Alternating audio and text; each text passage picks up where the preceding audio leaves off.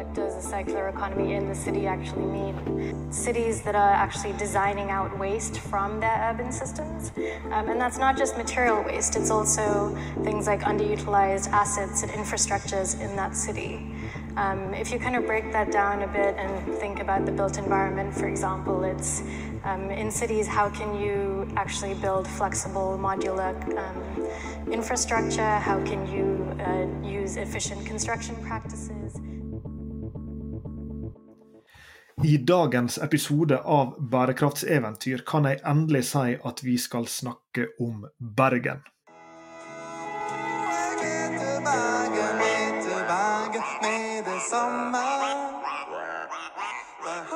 Samtidig er ikke det helt sant. Vi skal jo snakke om eh, den sirkulære byen. Det er det som er, som er tittelen på, på, denne episoden. Eh, og eh, vi skal snakke om Bergen fordi at Bergen nylig har publisert en mulighetsstudie som heter 'Sirkulære Bergen'. En mulighetsstudie av det sirkulære potensialet som, som Bergen har. og jeg og Sveinung har jo et, uh, en historie her, for vi har jo stått på scenen på Bergen næringsråd sin årskonferanse for et par år siden, 2019 tror jeg det må ha vært, og uh, ropt ut at Bergen må jo selvsagt ta lid og prøve å bli verdens sirkulære hovedstad. Og da er det jo hyggelig å i dag kunne invitere en person som kan få en viktig rolle i den bevegelsen og den utviklinga, og det er selvsagt Stina Ellevseth Oseland, som er den nye klimadirektøren i Bergen kommune. Velkommen til Bærekraftseventyr, Stina. Tusen takk, kjekt å være her. Og du har jo en litt spesiell eh, bakgrunn. Du, jeg vil si du er spesielt godt rusta. Og jeg må rett og slett begynne der. For du har jo altså tatt en doktorgrad på Universitetet i Bergen eh, om noe så spesifikt relevant som de administrative og politiske prosessene med å lage nye klimaplaner i henholdsvis Bergen, Trondheim og Stavanger.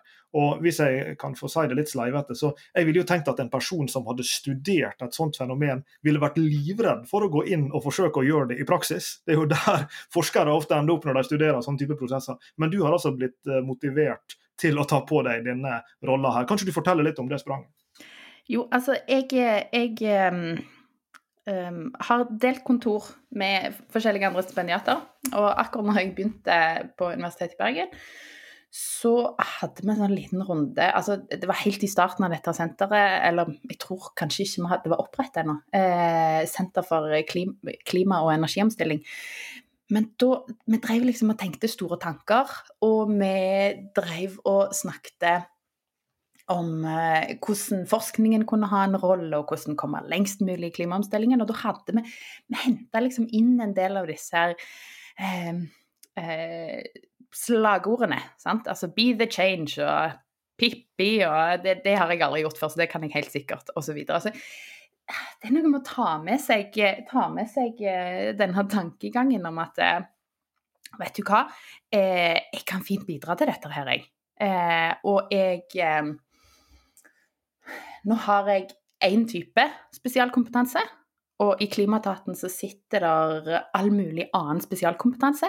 Jeg, jeg kjenner veldig på det at eh, Klimaetaten og klimaomstillingen i Bergen Ja, det er jeg som sitter på toppen, på en måte, eller ofte får ansiktet ut fra den faglige sida. Vi har jo politikere òg. Men Klimaetaten består av andre, og det er så mye skikk skikkelig god kunnskap og erfaring og vilje og entusiasme og eh, driv. Og det blir på en måte Det blir mer og mer av det. Så ja, definitivt eh, et stort sprang å hoppe ut av akademia. Eh, veldig spennende sprang. og eh, veilederen min sa jo noe sånt som at eh, OK, nå, nå får du virkelig testa om det vi holder på med, er nyttig ute i verden. Noen vil jo si at du skulle gå inn og prøve å, å, å styre noe i Bergen. Det må jo være omtrent den mest ambisiøse uh, jobben en kan ta på seg. Så, men, men, vi er veldig glad for, for, at du er på plass her for å gjøre denne viktige jobben. Og for å grave litt mer da, i den rolla som, uh, som klimadirektør. Uh, nær sagt det, Skal en sånn rolle, for du er jo inne på disse forskjellige liksom, interessentene som er rundt deg en sånn rolle. Og, og, jeg vil jo tenke at Skal vi lykkes med et sirkulært Bergen, så er det klart at da er det noen uh, politiske aktører som skal, uh, skal lykkes med noe. Her er det definitivt noen næringsaktører som er nødt til å få til noe. Og så er det jo selvfølgelig også en befolkning der ute som skal leve livet sine kanskje til og med på en måte som er, som er mer sirkulær og mer i tråd med, med det, ideene og, og idealer i en, i en sirkulær økonomi. Um, er det nær sagt er din rolle mer eller mindre knytta til, til, noen av disse utfordringene, eller er det liksom all of the above? For øyeblikket er det all of the above. Eh, akkurat når det kommer til sirkulærøkonomi og innføringen av det i en by, og struktureringen av det i en by, så er det Det er jo noe som fins. Eh, det er noe potensial som er igangsatt, eh, som er iverksatt. Det er noen roller som eh, har begynt å bli fulgt, men det er fremdeles et vagt og litt bleikt lerret som vi trenger å tegne og male. Og en av de rollene jeg tenker spesielt Klimataten har, det er dette med å eh, løfte kunnskap, erfaring, strukturer osv. inn i en kommunal eh, hverdag og en kommunal virksomhet. Eh, og innarbeide pilottankene til å bli strukturer. Eh, så når, når, Bergen kommune er en god del skritt nærmere sirkulær, og Bergen samfunn er en god del skritt nærmere sirkulært, så tenker jeg, da, da, kan, da, kan så, da, kan vi begynne å trekke oss litt mer tilbake. Sant? Men foreløpig så er det et behov her for at noen tar litt, sånn, tar litt styring, ser det overordna. Og det kan veldig godt være at vi lander på at det er visse felt hvor eh, kommunen har et tydeligere ansvar, hvor Klimaetaten har et spesifikt ansvar inn, og hvor andre har andre typer ansvar. Men enn så lenge så er vi på det nivået at denne rapporten, som er en mulighetsstudie, generell, stor entusiasme, det er der vi er. Vi har, ikke kommet kjempemye lenger enn dette her. Men det er jo veldig gøy å se at denne rapporten får så mye oppmerksomhet, og at det er så mange andre enn oss òg som syns at dette er en kjempespennende rapport og en eh, ganske nyskapende rapport, og at det gir mening. Det, det som står der, gir mening. Og Vi skal dra det mot rapporten nå, Stina. Jeg skal bare berolige nervene til, eh, til våre trofaste lyttere som, som, savner Sveinung Jørgensen. Hvor er Sveinung hen? Egentlig er det sikkert noen som tenker nå. Eh, og Sveinung har hatt litt teknisk eh, trøbbel med å komme seg inn, men nå er du her, Sveinung, så velkommen til samtalen du også. Men jeg har lyst til å dra oss inn i, i rapporten, jeg, Stina, for den, he, den heter altså, som, som, som, jeg sa i stad, 'Sirkulære Bergen'. En mulighetsstudie av Bergens sirkulære potensial. Og den er, er gjennomført da, som et samarbeid mellom Bergen kommune, PwC og BI Bioregion eh, Institute. Og eh, her er jo fire hovedfasetter ved den, eh, ved den her, eller fire Eh, altså bransjer da, i forstand som, som, dere tar for dere. her, Det er produksjon og forbruksvare, det er bygget miljø, det er matsystem og, og det er mobilitet. Og, og det, er jo, det, er jo, lett å se hvordan disse, disse fire er, er, store og viktige eh, for, for enhver by. Uh, og, og, her er jo sikkert andre tema som dere også graver dere ned i. Men kan du, kan du fortelle litt om utgangspunktet for rapporten? Altså hva slags type nær sagt, uh, Litt om målbildet, litt om hva det er dere forsøker å få til, og, og hvordan dere har jobba for å få, kartlagt det her. sånn at Eh, lytterne våre som jeg oppfordrer til å lese denne rapporten, for den er full av godt innhold, eh, kan forstå litt om, om bakteppet. Jo, altså um, Ideen bak denne rapporten det er dette her med um, å tette igjen litt kunnskapshull. Sant? Altså, Sirkulær økonomi der er en tanke og der er en målsetting om at det er en måte å ta tak i omstilling på, på en mer helhetlig måte. Eh, og at det kan involvere veldig mange forskjellige felt. Og så var det veldig tydelig. Sant? Du har hatt denne nasjonale kartleggingen. Eh, den ga ett bilde. 2,4% sirkularitet i Norge. Eh, mm. ganske deprimerende, kan vi vel kanskje si. Ehm, men så er det noe med Altså, det er store forskjeller på å se på ting på nasjonalt nivå versus å stramme det ned til en by og til et lokalt nivå hvor alt henger sammen med alt. Eh, og så utgangspunktet var det at vi trenger, vi trenger å se vi trenger å vite hvordan terrenget ser ut. Vi trenger å se konturene av eh, landskapet for å si noe om hva slags stier som ligger klare til å bare spasere av gårde på, og hvor vi trenger å jobbe sammen for å tråkke opp noe nytt. Så utgangspunktet var tetting av kunnskapshull. Eh, og utarbeidelse av et grunnlag for hvordan Bergen både som kommune og som bysamfunn kan ta tak i sirkularitet. Og så, eh, som du sier, Det var et samarbeid mellom Bergen kommune og PwC og Bioregion Institute. Og i det så ligger det at vi spørreundersøk Det ble utført en stor spørreundersøkelse. Eh, den bidro vi inn i formuleringen av og spissingen av. Eh, vi hadde et innspillsmøte, digitalt selvfølgelig. Eh, der var det òg kommunen til stede. Både oss fra Klimatat, men òg andre aktører som er spesielt relevante inn på, på sirkulær økonomi. Og det var aktører fra Bergenssamfunnet. Litt sånn bredt relevant for sirkulær økonomi. Og en av de tingene som jeg syns at er så spesielt kan, Får jeg lov å si fint? Eh, med sirkulærøkonomi som konsept når det kommer til omstilling, det er det at det er så mange som finner sin rolle inni der. Altså, hadde, noe av det første som skjedde på denne, den, dette innspillsmøtet, det var at alle skulle finne fram telefonen og så taste inn noen ord, sånn at det skulle genereres en ordsky. Eh, hva forbinder du med begrepet sirkulærøkonomi? Cirka, tror jeg spørsmålet var. Og så popper det opp masse om ombruk og gjenbruk og byggenæringen og teknologisk og apper osv. osv. Og så plutselig står det 'mormor'. og den kjente jeg var Ja, det er, det er mormor òg inni her. sant? Det er stopping av sokker, og det er reparasjoner av klær, og det er sant? Altså, Hele denne, denne håndverkstradisjonen som vi òg har i Norge, og reparasjon og å ta vare på og, og bruke det du har, det er en del av sirkulærøkonomi. Jeg følte meg jo 400 år gammel her forleden hvor jeg sa til unga mine at uh, nå nærmer det seg påske, og når uh, mor og far, min mor og far tok med oss på hytta sånn på ja, 70 mot 80-tallet, så, så, sydde jo mamma da anorakk. Vi hadde hjemmestrikka strømper, vi hadde nikkers, vi hadde sånn, sånn ullkrave eller sånn ulveskinnskrave eller hva nå det enn var for, for noe på disse her. Eh, og, og det, var bare, det, var bare, sånn det var, liksom. Vi så jo ut som sånne, sånne i, dag så hadde vi jo gått rett opp på Maihaugen. Det er jo helt sjukt. Og det er jo ikke så himla lenge siden. Og vi gikk rundt på disse her eh, sokkene i tillegg, som det, var så vondt å ha dem nedi skoen når de var stoppa litt for mange ganger. Du begynte å tippe lenger og lenger framover i, i, i, skoa. Men det var jo bare noe som man gjorde, liksom. Man, man dro jo ikke da og kjøpte fullt uh, sportsutstyr til alle sammen. Vi, hadde vi spikka ikke egne ski, altså det er ikke så, jeg er ikke så gammel.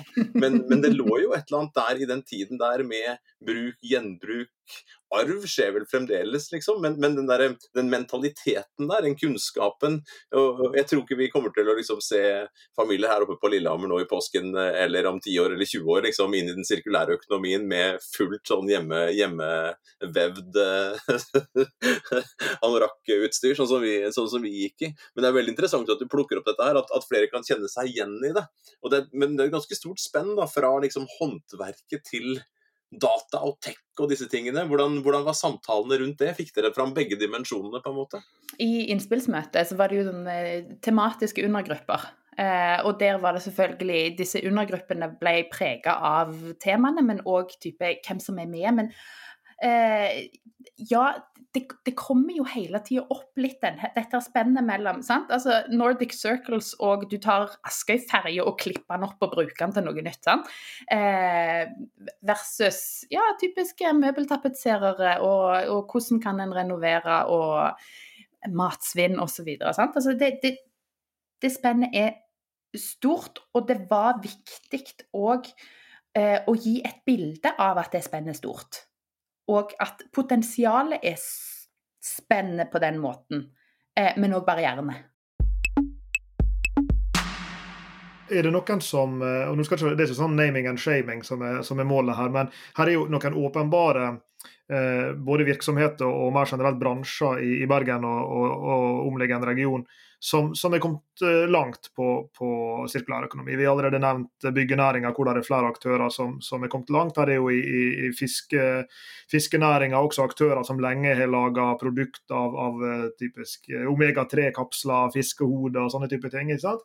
Ehm, her er selvfølgelig i, i renovasjonsnæringa og tilstøtende med både BIR og Waste IQ og andre som er en, en sirkulær bevegelse. Er det noen bransjer som dere har på, på et vis savna, eller som dere kanskje vil oppfordre til å melde seg på, når du kikker rundt deg, og hva slags type både virksomhet og hva slags type bransjer som, som er eh, store og viktige i regionen?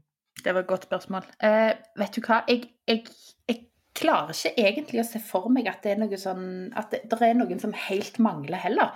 Altså, det er, det er, det er mange som, som definitivt uh, kan tenke at det er på tide å skru opp farten. Eh, jeg, tror, jeg, tror, det er ganske mange som sitter og venter på noen føringer og noen regler og reguleringsendringer. Og det er definitivt en del av bildet, men så tenker jeg òg at det, det går jo an å bare hive seg utpå. Jeg tenker rundt dette begrepet, og jeg har lyst til å spørre deg litt nå om, om liksom visjonen, da, det sirkulære Bergen her, eh, og, sette litt ord på det. Men sånn som du var inne på her, jeg, jeg spant av gårde på mine påskeferieopplevelser her fra, fra gamle dager. ikke sant? Eh, I kontrast til i dag, så, så, er det mange som kan melde seg på. Og Det handler litt om kunnskapen også om hva dette er, hvilke roller som skal til. og Når vi underviser dette, så ser vi på en måte som en, på en verden av forretningsmodeller hvor også det offentlige kommer inn og det, og, og det, frivillige kommer inn, med ulike typer roller her. Hvis man skal få alt dette til å gå opp, da, for vi beskriver det ofte som en litt sånn visjon, nesten sånn utopisk visjon om alt. Nesten sånn ressursnirvana, hvor alt bare går i, i, ring, og det er ingen som gråter, og det er liksom ikke noe, ikke noe avfall, og det er liksom ikke måte på. Men, og veien fra i dag til dit, den er jo ganske bratt. En del ting, det lerret som skal bleikes for å, for å, komme dit. Men samtidig så betyr jo dette at det er veldig mange aktører som ikke har sett på seg selv i en bærekraftskontekst. altså sånn, at, at, de har noe med bærekraft å gjøre, men som egentlig kan bidra ganske mye inn her. da. Men kunne du satt noen ord på liksom den måte visjonen dere ser for deg noen 10 år fram i tid, 20 år fram i tid, om liksom det, det sirkulære Bergen og omegn? Ja, altså, jeg, jeg kjenner, jo, kjenner, jo, at jeg veldig fort kan, kan, la meg inspirere av altså byarkitekten i Bergen, Maria Molden. Hun er jo arkitekt. Hun er veldig god på å mane fram bilder. Eh, og jeg, jeg, kjenner at innimellom så tenker jeg OK, hvordan kunne jeg ha beskrevet dette her som liksom Tegn bilde. Og eh, altså At alt henger sammen med alt. Eh, kretsløpet blir lukka. At eh, alle ser sin plass. At vi har skrudd ned forbruket til det minimumet vi trenger at det skal være. Eh, eh, veldig ofte så ser, så ser jeg at, at, de som stritter voldsomt imot denne klimatanken, og, og, gjerne til og med kunne vært kategorisert som klimaskeptikere altså Hvis du drar det over til men det hand, altså, Hvis du bruker ordene 'naturens bæreevner', da er de med. Sant? Fordi at det, alle kan OK, kanskje ikke alle. Veldig mange kan se og har klare å eh, forstå at den måten å leve på nå, det er ganske langt ut forbi det som går an. Sånn langtidsperspektiv.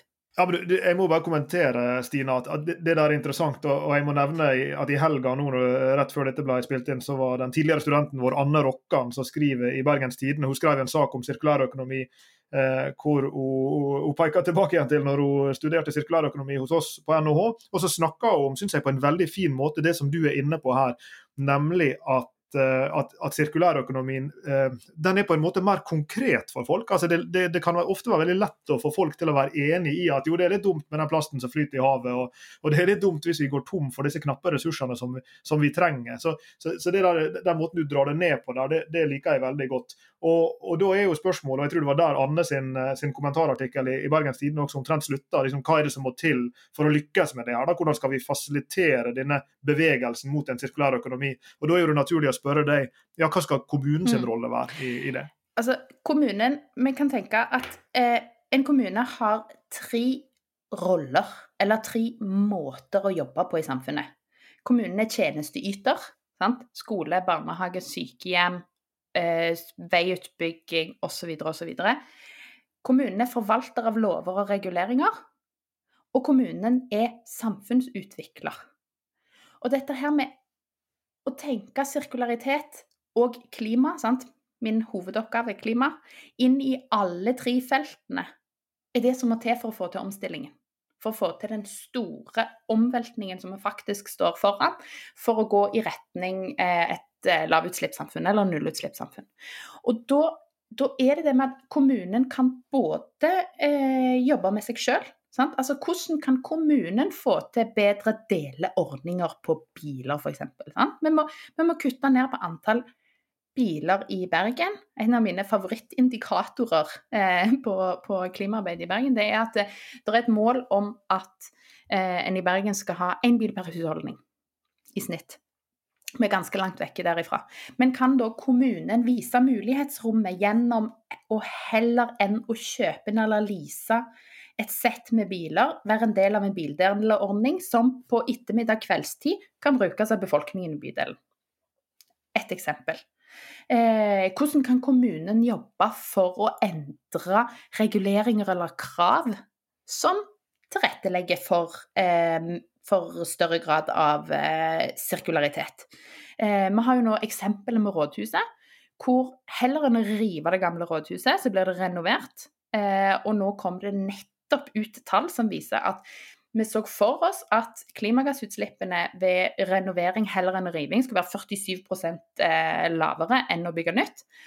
Og det viser seg å være 70 lavere klimagassutslipp. Sant? Så kommunen kan òg vise gjennom eksempel. Men så kan vi etter hvert begynne å snakke om ok, kan vi legge noen krav her? Kan vi se for oss at eh, ja, enten krav eller eh, grønne gebyrer eller osv. for å bygge næringen. Og så dette med samfunnsutviklerrollen. Hvordan kan vi bidra til nettverk? Eh, hvordan, kan vi, hvordan, kan vi, stimulere til, til, økt aktivitet i den retningen en ønsker seg? Eh, hvordan kan vi inkorporere dette her i andre planer og andre visjoner og overordna politikk og helt ned på detalj? da. Altså, hvordan kan en barnehage bidra til sirkularitet?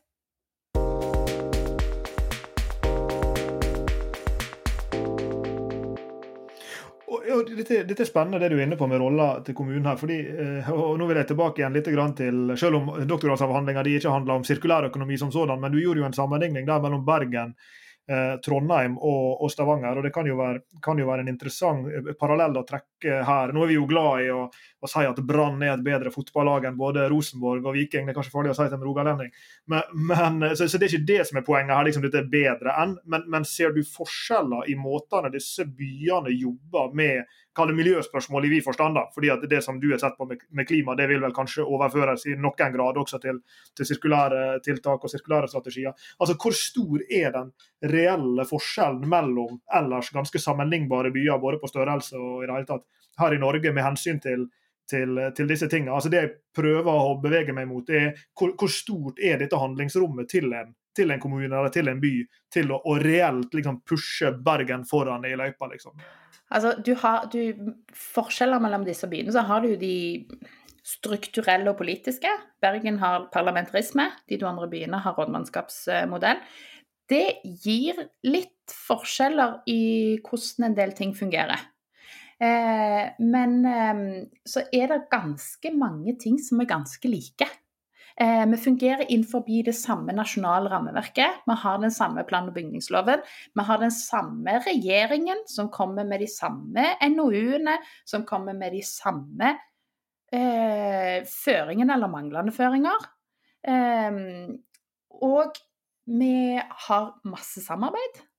Men vi ser, vi ser jo altså eh, Oslo, for eksempel. Kommune og fylke i ett. De har et helt annet handlingsrom enn oss. Men samtidig så er det kanskje en del av disse eh, flaskehalsene og store barrier barrierene til en stor omstilling. Målkonfliktene knytta til f.eks. veiutbygging og nye broer og motorveier osv. Det er felles. Det har alle storbyene felles. Sant? Trondheim får noen nye veier inn fra forskjellige kanter. Bergen får Sotrasamband og eh, muligens fossilfrie 39. Samme for Stavanger. Altså, det er en del av de samme bevegelsene og lock-ins og stiavhengighetene som ikke er identiske, men som ligner. Eh, som gjør at vi har en del av de samme problemstillingene. Og det er Det er kjempevanskelig å ta tak i. Eh, men, men samtidig så er det jo altså Vi kommer ikke i mål hvis vi ikke snakker om det. Altså, Vi kommer ikke nærmere målet hvis vi later som om det ikke fins. Hva har vært de største overraskelsene i arbeidet med denne store sirkulære rapporten? Du nevnte så vidt i, i begynnelsen her med disse som, som, kom sammen, og så kom mormor opp. ikke sant? Og så ser man liksom at oi, her er det jo en rolle for, for flere av oss enn det vi kanskje tenkte. Um, dere har gjort en grundig vurdering her av, av veldig veldig mange, mange ting innafor denne byen. da, uh, Bergen i dette tilfellet. En del som du sier som er felles på tvers, og så er det noe som er spesifikt. Um, og hva har på en måte vært liksom det som har, har det vært noen sånne aha-opplevelser underveis, eller noen overraskelser utover mormor? Altså, jeg, jeg, eh, kjenner jo at jeg Når jeg satt og så gjennom endelig versjon Det som slo meg som eh, spesielt positivt, var, det er egentlig potensialet for sysselsetting. Sånn? Altså, vi har faktisk vi har faktisk mulighet her til å, til å bygge opp og hente fram og videreutvikle næringsliv og arbeidsliv. Det er potensial her til å sette folk i arbeid. Eh, det har en tendens til å bli sånn i klimadiskusjonen Ja, men hva skal folk jobbe med? Sant? Hvis alle skal ut av olje, eller hvis alle skal ut av det, eller hvis alle skal ut av det, hva skal de jobbe med? Men her viser vi at det er faktisk potensial for sysselsetting òg. Det er potensial for arbeid i byen for byen med byen i denne rapporten. Og det er kanskje Ja, jeg, jeg kjenner at jeg liker veldig godt den delen av det. Opplever dere at det er et stort spenn? Da? Jeg, jeg nevnte det i sted med nå-situasjon og ønsket situasjon. Og, uh, at det er et stort spenn der mellom, mellom, der hvor man står og dit man ønsker å komme. Uh, og Hvis vi skal peke på sånne konkrete ting, og en ting er Bergen, Lars Jakob nevnte litt på tvers. Og Vi får jo mange spørsmål vi fra fra kommuner litt sånn overraskende. Vi, vi, er, så, vi, vi er, jo sånn bærekraftig business, vi jobber med forretningsmodellen. og Vi har liksom forretningsperspektivet i bånn, men gjennom, gjennom, disse episodene så, så, nøster vi opp veldig mange andre ting òg. Det dukker opp mange spennende ting. Og, og, og, kommunen her, sin rolle, som du har vært inne på, er jo veldig spennende. Men dette, dette spennet mellom nå og da, hvis man skal få, tak, få til denne sysselsettingen f.eks. Um, hva er det som mangler, og hva er det vi og andre kan bidra til for å, for å nærme oss det målet? Litt fart. Ja, vi, treng, vi trenger litt fart. Vi trenger, vi trenger, vi trenger gründere. Vi trenger, altså vi trenger kombinasjonen av alt, sant. Eh, men, men, vi trenger at noen finner ut Vet du hva, en av de tingene som mangler her, er en digital materialbank for ombruk av, eh, av byggematerialer. Sant? Altså, hvem, hvem, kan stå for det? Hvem, hvem kan lage det?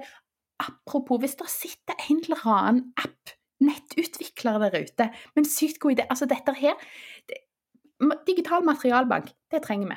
Eh, vi, trenger, vi, trenger, å koble disse aktørene som har materialene og trenger materialene. Et, ja, ett av feltene. Kom igjen, en eller annen gründer, hiv dere på. Vi trenger, vi trenger en digital materialbank.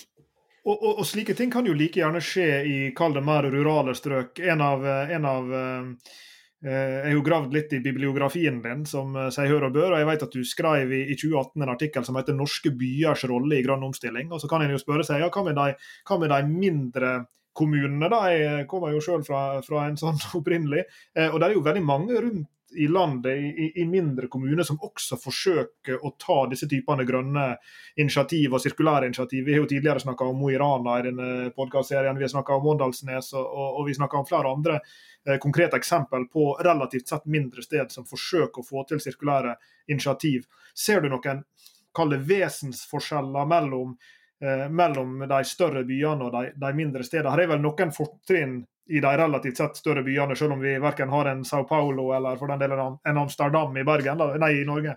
Eh, så, så, er jo ikke byene våre ikke så veldig store, men det er selvfølgelig noen fordeler for det sirkulære med å, med å ha et kall det tettbebygd eh, område hvor en da kan dele på ressursene, som du beskriver med bilene f.eks. Og, og, og andre ting. Men, men, hva er implikasjonene av, av, det arbeidet dere har gjort i Bergen for de mindre kommunene rundt omkring i det ganske land? Jeg tenker jo òg at mindre kommuner og har en del fordeler som vi store ikke har. Altså veien mellom eh, mellom visse deler av kommunen og andre deler av kommunen er mye kortere. Sant? Altså Når landbruksetaten er én person, og nærings- og planetaten er fire, og de sitter i samme gangen Altså, det er mye kortere vei mellom silobryting, altså potensiell silobryting, i en mindre kommune, eh, er har potensialet til å være enklere enn i en større kommune.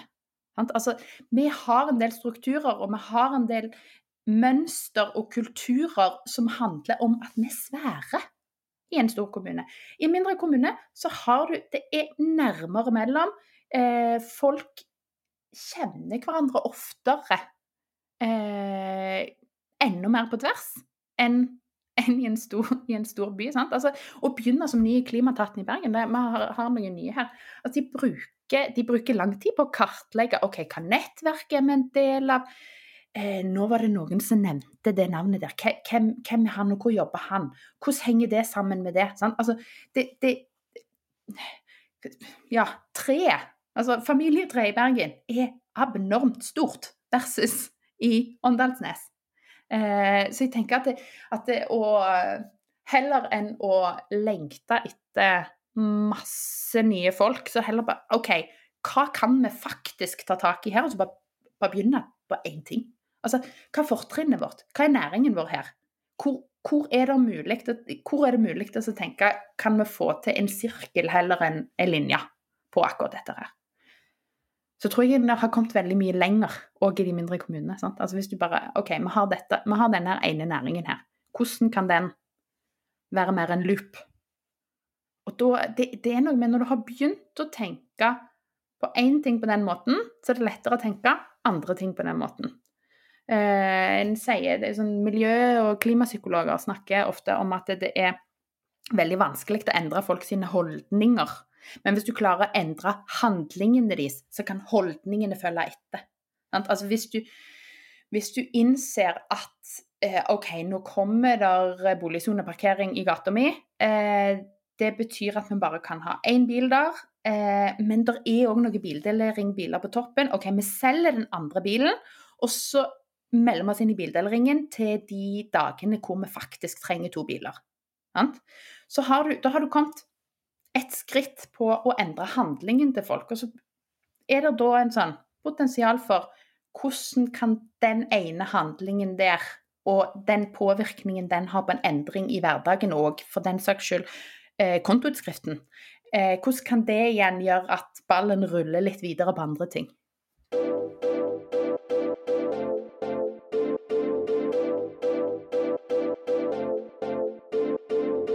Spennende i disse koronatider, eh, hvis det begrepet finnes. Det gjør det vel, disse koronatider. Det er mange sånne nye ord knytta til korona, men eh, vi har jo absolutt måttet endre en del handlinger. Eh, og det blir jo spennende å se over tid hvordan det også påvirker holdningene våre, sånn som du er inne på her. Altså, vi, vi reiser jo absolutt mindre eh, om dagen. Eh, og vi kan ikke ta det for gitt at liksom, den helgeturen går til, uh, til, Paris eller London hvis man har råd til det, eller, eller, for den saks skyld enda lenger unna. Det blir jo spennende, apropos f.eks. røykeloven som ofte blir trukket fram før, at okay, det har kommet en annen sånn type begrensning først, og så var alle imot, eller i hvert fall veldig mange imot. Noen imot, og så endrer da likevel holdningen vår til det, og så blir det helt altså, Sitte og røyke inne, liksom. Eh, eh, på en restaurant. Altså, og, og, før jeg, jeg, var jo sånn festrøyker. Jeg, jeg dro ikke ut for å drikke. Jeg, jeg, tente jo den ene røyken med den andre. Elska å sitte og dampe de greiene. Og så plutselig var jo det borte, og så måtte den endre da, som du sier, også handlingene. Holdningene rundt det. Og det blir jo spennende nå med med korona ut på andre siden? Vil vi på en måte ta tilbake de samme vanene, eller er det ting nå som setter seg her? Og, og kan noe av det være positivt? Du nevner jo klima, um, som er et eh, globalt problem, men dere skal jo jobbe med det lokalt. Uh, og Jeg skjønner jo veldig godt at det er godt å jobbe med disse sirkulære ideene. Altså hvordan liksom få sørge for at ting Og bruke disse ressursene bedre, lenger eh, osv. Eh, men her, da, mot, mot, mot klima, eh, så blir det jo spennende å se og korona. Og, om vi går ut av det og endrer holdning òg. Jeg, jeg, jeg, er spent på det. Jeg vet ikke hva dere tenker? Det er kanskje noe av det, aller, det jeg er aller mest spent på. Hva er den nye normalen? Altså, alle snakker om at vi vil tilbake til normal vi vet at vi kan ikke gå tilbake til normal. Sant? Vi kan ikke Apropos flyreiser. Sant? Altså, nordmenn sitt avtrykk på fly tilsvarer 53 millioner europeere. Vi kan ikke fortsette å fly som om vi var 53 millioner europeere. Vi, vi er nødt til å la det være en sånn langsiktig endring inni der. på en eller annen måte. Men, men så er det òg noe med altså, Apropos røykeloven. altså, Hvor kan vi se potensialet til liksom, de gode og litt sånn artige endringene? Husker dere når røykeloven ble innført? Sant? Da hadde du både den der endringen av at du ikke altså, Hvis jeg lukker igjen øynene, så kan jeg huske hvordan jeg lukta etter en konsert på Hulen. Men så kommer det òg den der Husker dere den bieffekten av innføringen av røykeloven? Tidenes sjekketriks. Skal du være med ut og ta en røyk? Sant? Altså, kunne du spørre nesten hvem som helst. Du bare lata som du røykte. Sant? Tidenes sjekketriks. Ah, det, må, det, må være, det må være noen sånne, sånne artige nye varianter òg, kjenner jeg. Og det, det, bringer meg over på noe annet, for det er så lett å snakke så positivt rundt sirkulærøkonomi. Alt høres så greit ut. ikke sant? Vi skal kunne dusje lenger, for vi resirkulerer vannet, og det varmes opp av, av solenergi. Eh, og gå på en pumpe, og vi kan bare dusje og dusje og dusje hele dagen. ikke sant? Det er jo drømmesituasjonen. Slippe å, å, å flytte ut i, i, marka og spise barkebrød. ikke sant? Så vi føler liksom oi, nå skal vi bli bærekraftige. Det er jo liksom ikke noe sånn drømmescenario for de aller fleste. Men, men, er det noen nedsider her i den sirkulære byen?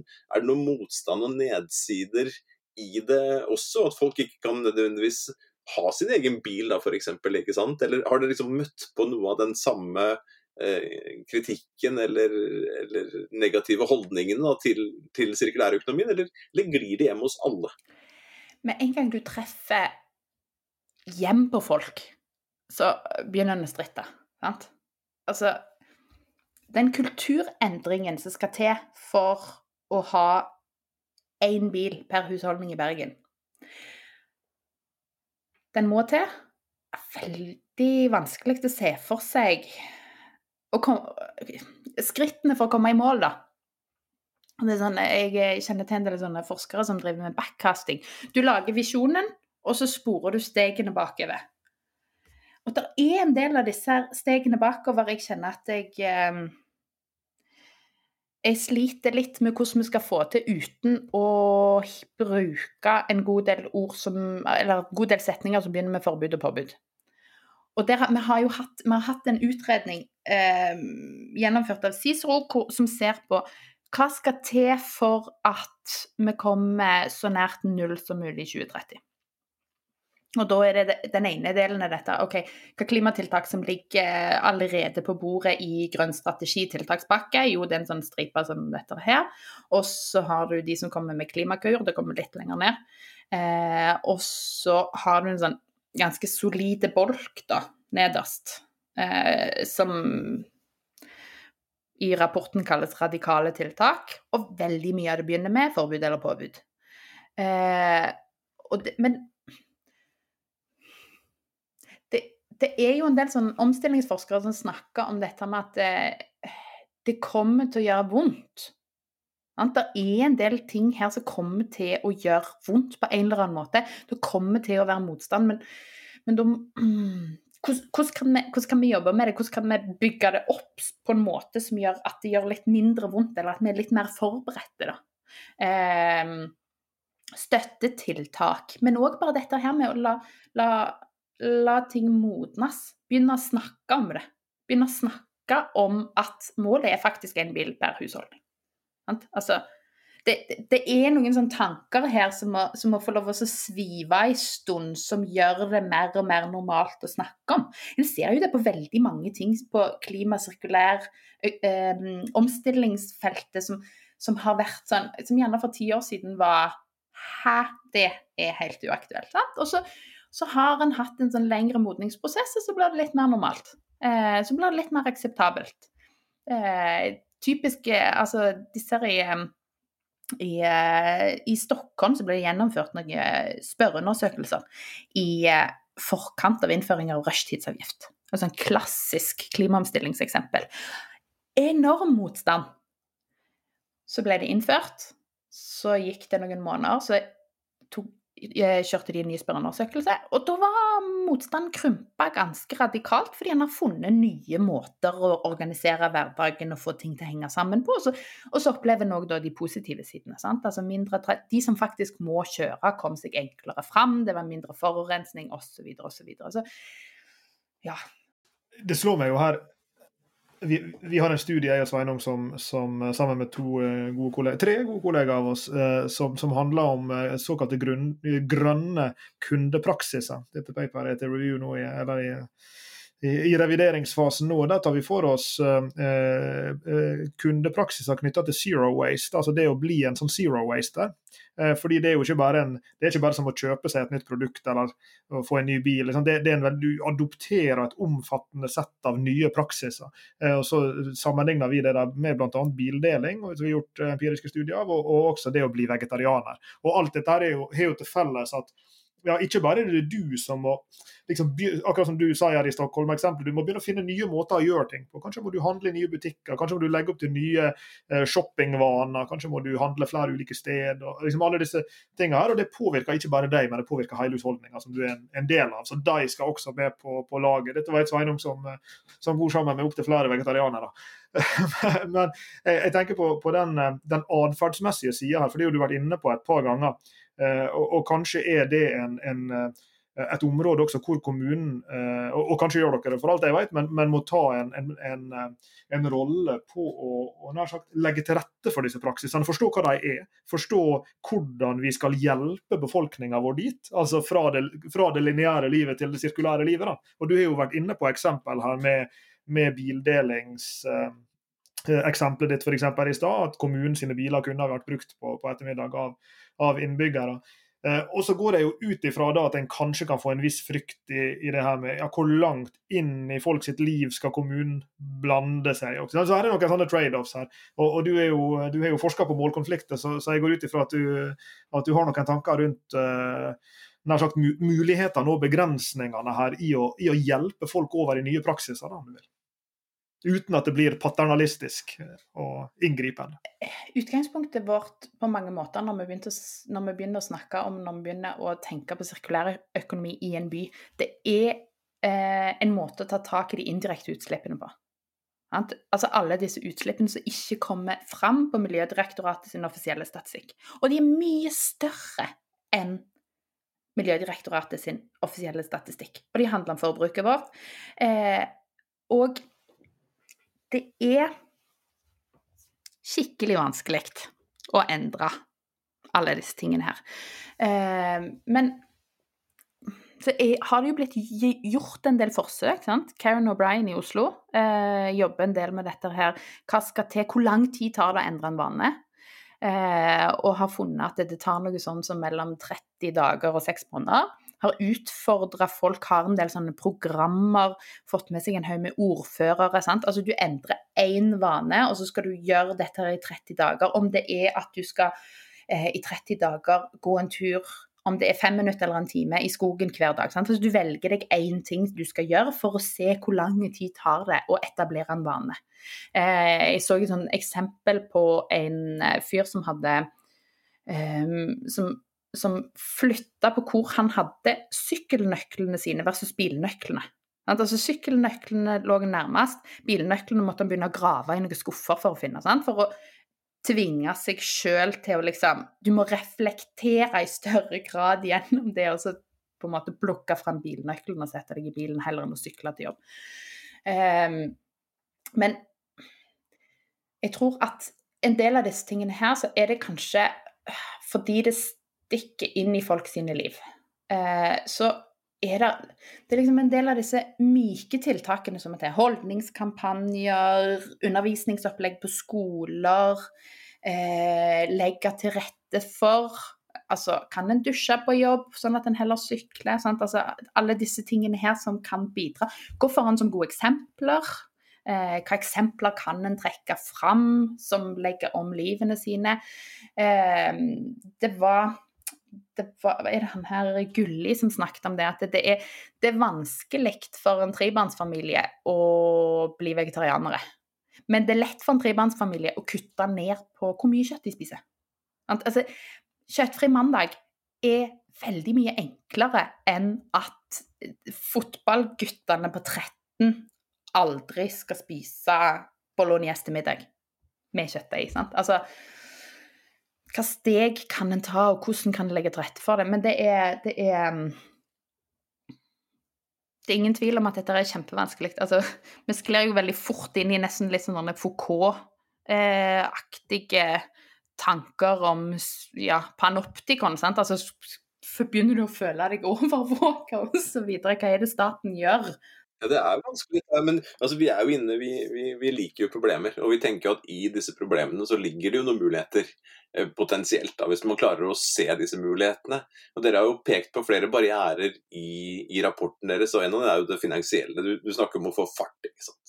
Og så er det videre på kunnskap, og så er det reguleringer. Så er det en del sånne ting som ligger utenfor oss som er vanskelig. Altså der, i, systemet så ligger det noe tett på oss. Altså sånn der, Hvis løsningen på alle disse problemene alltid skal være liksom at uff, jeg får bare lov til å ha så og så mange turer ut av landet, eller jeg får bare fly så og så mye, eller jeg får bare ha én bil herlighet, med, med to unger og og osv., så, videre, og så, videre, så er det jo fryktelig praktisk. da. Og, og, hvis det bare skal komme på forbudssiden her, ikke sant? Så, så hvordan liksom få endret disse, disse, disse, holdningene som du snakker om, og få endret atferden, endret vanene, og hvordan se det positive i det. Og, og ikke minst, som du er inne på her også, det å begynne å se det positive, at folk har litt kontroll over meg. Altså sånn, Vi drømmer jo ikke oss inn i disse totalitære statene som nå har full kontroll på korona. Det er jo, det er jo ikke uten grunn de har full kontroll. Liksom. Altså, folk kan ikke snu seg til venstre uten å bli, uten å bli observert eller, eller, eller, rapportert. ikke sant? Så, så hvor, hvor, går disse balansegangene? Og vi er jo selvfølgelig på jakt etter de attraktive mulighetene. der at finansielle investorer skal se at eh, klarer man å tenke annerledes omkring ressursene her, så ligger det er det, er det, penger der. Vi ønsker jo samtidig at disse nye EU-reguleringene knytta til taksonomien eh, skal gjøre at det skal bli vanskeligere å, å fremstå som en, eh, en, miljøagent hvis den virksomheten du egentlig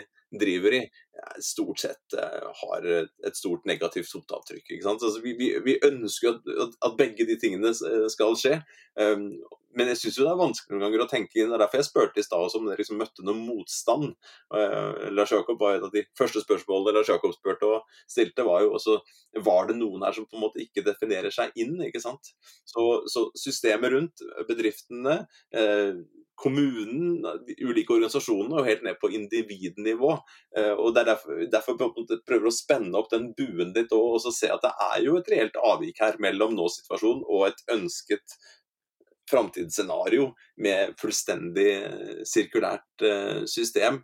Og Jeg syns dere i rapporten klarer liksom å peke på disse tingene, og ikke er naive. For, det, for det, jeg tror vi skal være, liksom, være litt åpne for at dette er ekte problemer som krever ekte løsninger. Det er ikke sikkert at vi ser dem i dag, at vi har alle verktøyene i verktøykassa er klare, men at det krever noe annet, det er jeg ganske overbevist om. Lars Jakob? Jo, vi skal, eh, vi skal, gå mot en, en wrap-up vi her nå, Stina. Og du skal få lov til å få, få eh, avslutte med et, med et, slags fremtidsbilde. Fordi at det som, som rapporten anskueliggjør på en fin måte, og det som, som, du har vært inne på mange ganger her i, i samtalen også, det er jo at Eh, du, du har sagt det mange ganger fordi det er sant. Dette her er jo kjempevanskelig. Fordi det er kjempestore omstillinger. Det er snakk om det store endringer i det store og i det små. I, i, i reguleringene og i hva næringene skal lykkes med, men også i hvordan jeg og du og alle andre skal leve livet vårt i Bergen eller i, i andre byer. Eh, og, og, med fare for å stille spørsmålet på en litt flåsete måte, så kunne jeg jo tenke meg å, å spørre hvis nå Stina fløy inn i fremtiden med en tidsmaskin, og så ringte du tilbake igjen med en sånn tidsmaskintelefon. Eh, hvordan er det han ser ut, denne fremtidsbergen? Hva er det vi har fått til når, når Bergen er sirkulær? Hva er det vi har lykkes med, og hvorfor er det det har blitt en mye bedre by? Tenk at Bergen kan bli en enda bedre by enn han er, men han kan faktisk det. Hva, hva er det som vil ha, ha, skjedd når Ikke hvis dere lykkes, når dere lykkes. Veldig godt spørsmål. Eh, jeg kjenner at jeg er veldig glad for at du ba meg fly inn i utopien og ikke dystopien. Fordi eh, Og så drar jeg det bitte litt over i dystopien. Fordi hva er alternativet? Hva er kostnadene hvis vi ikke gjør dette her? Hvordan ser næringslivet i Bergen og i verden ut hvis vi ikke gjør dette her i år 2100? Hvordan ser livene til våre barnebarn ut i 2100 hvis vi ikke gjør dette her? På byutviklingskonferansen så ble jeg utfordra av kommunaldirektøren eh, til å si noe om, om dette her med framtiden og ungdommen. Fordi eh, da var det en del sånne små liksom Snapchat-aktige klipp av ungdommer som snakka om byutvikling og, og, hva de er opptatt av og sånne ting. Og de snakket bl.a. om at eh, under korona så har en òg sett mye omsorg. Sant? Ordet omsorg. Og det er jo en del av bildet. Sant? Altså, hvorfor vil vi til utopien? Jo, fordi det handler om omsorgen til de som en, altså, Både på enkeltpersonsnivå, men òg som totalen. Altså de vi er og kommer til å være glad i.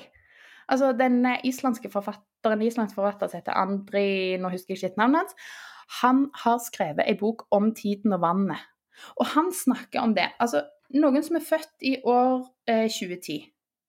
I 2100 så er de 90 år. Da har de sannsynligvis et barnebarn, oldebarn, som eh, de har vært glad i i 20-30 år. Denne personen som da er født i år 2070 I år 2150 så er denne personen i pensjonsalder. Det er, det er ikke veldig mange ledd mellom den vi er i dag og det livet vi lever nå, og noen vi er, kommer til å være forferdelig glad i, og som skal ha voksenlivet sitt der framme. Altså, lar vi de sitte igjen med problemet tre til fem graders oppvarming og alt det innebærer? Eller strammer vi inn det vi kan nå, i omsorg for disse fremtidige generasjonene og disse fremtidige barna og oldebarna våre? Andris Nær Magnersen er det han heter, selvfølgelig. Altså, strammer vi inn nå? Hvorfor strammer vi inn nå? Jo, vi strammer inn fordi at vi er forferdelig glad i ungene våre og barnebarna og potensielle oldebarn osv. Det, det, det er omsorgen inni her. Og så gjennom den omsorgen så finner vi businessmuligheter og eh, omstillinger. Så eh, Bergen er omstilt. Og gjennom Sendcaster eh, så kan man ha, da ha en, en chat-funksjon, og jeg må innrømme at jeg måtte uh, google den der altså for å finne navnet og sende det til deg i chatten. Så for meg var det ikke selvfølgelig, men jeg er veldig glad for at jeg har fått uh, et boktips inn i påsken her om tiden og vannet. Så den skal jeg ta med meg videre. Lars Jakob? Vi har fått en grundig innføring i Bergen sine sirkulære ambisjoner og Eh, som du har vært inne på også, barrierene for deg gjennom lesing av rapporten. Eh, og, og, nå har vi fått, uh, fått høre deg nær sagt reflektere videre over sagt både innholdet i rapporten, men også denne veien videre. Og alle disse både snubletrådene, men heldigvis slutter vi i mulighetene. For det, for det tror vi at uh, det, Og det høres ut som vi tre er skjønt enige om at den innramminga er nødvendig for å lykkes med en såpass omfattende omstilling som det her. Så jeg vil si tusen takk, Stina, for at du var med oss i dag for å Eh, tegne opp målbildet for eh, det fremtidige Bergen, det sirkulære Bergen. Det Bergen der Brann vinner serien hvert eneste år. Så tusen takk for at du var med oss i dag. Takk for at jeg får være med. Jeg tar veldig gjerne imot alle innspill på hvordan vi kan vri denne omstillingen til potensielle eh, kjekke muligheter. Du har hørt på Bærekraftseventyr med Jørgensen og Pedersen. Send e-post til eventyr krøllalfa jorgensenpedersen.no for å stille oss spørsmål eller komme med forslag til tema for fremtidige episoder. Og besøk jorgensenpedersen.no for mer informasjon om denne podkastserien. Derfra kan du også fortsette samtalen med oss i sosiale medier på Twitter, Facebook, LinkedIn, YouTube og andre steder.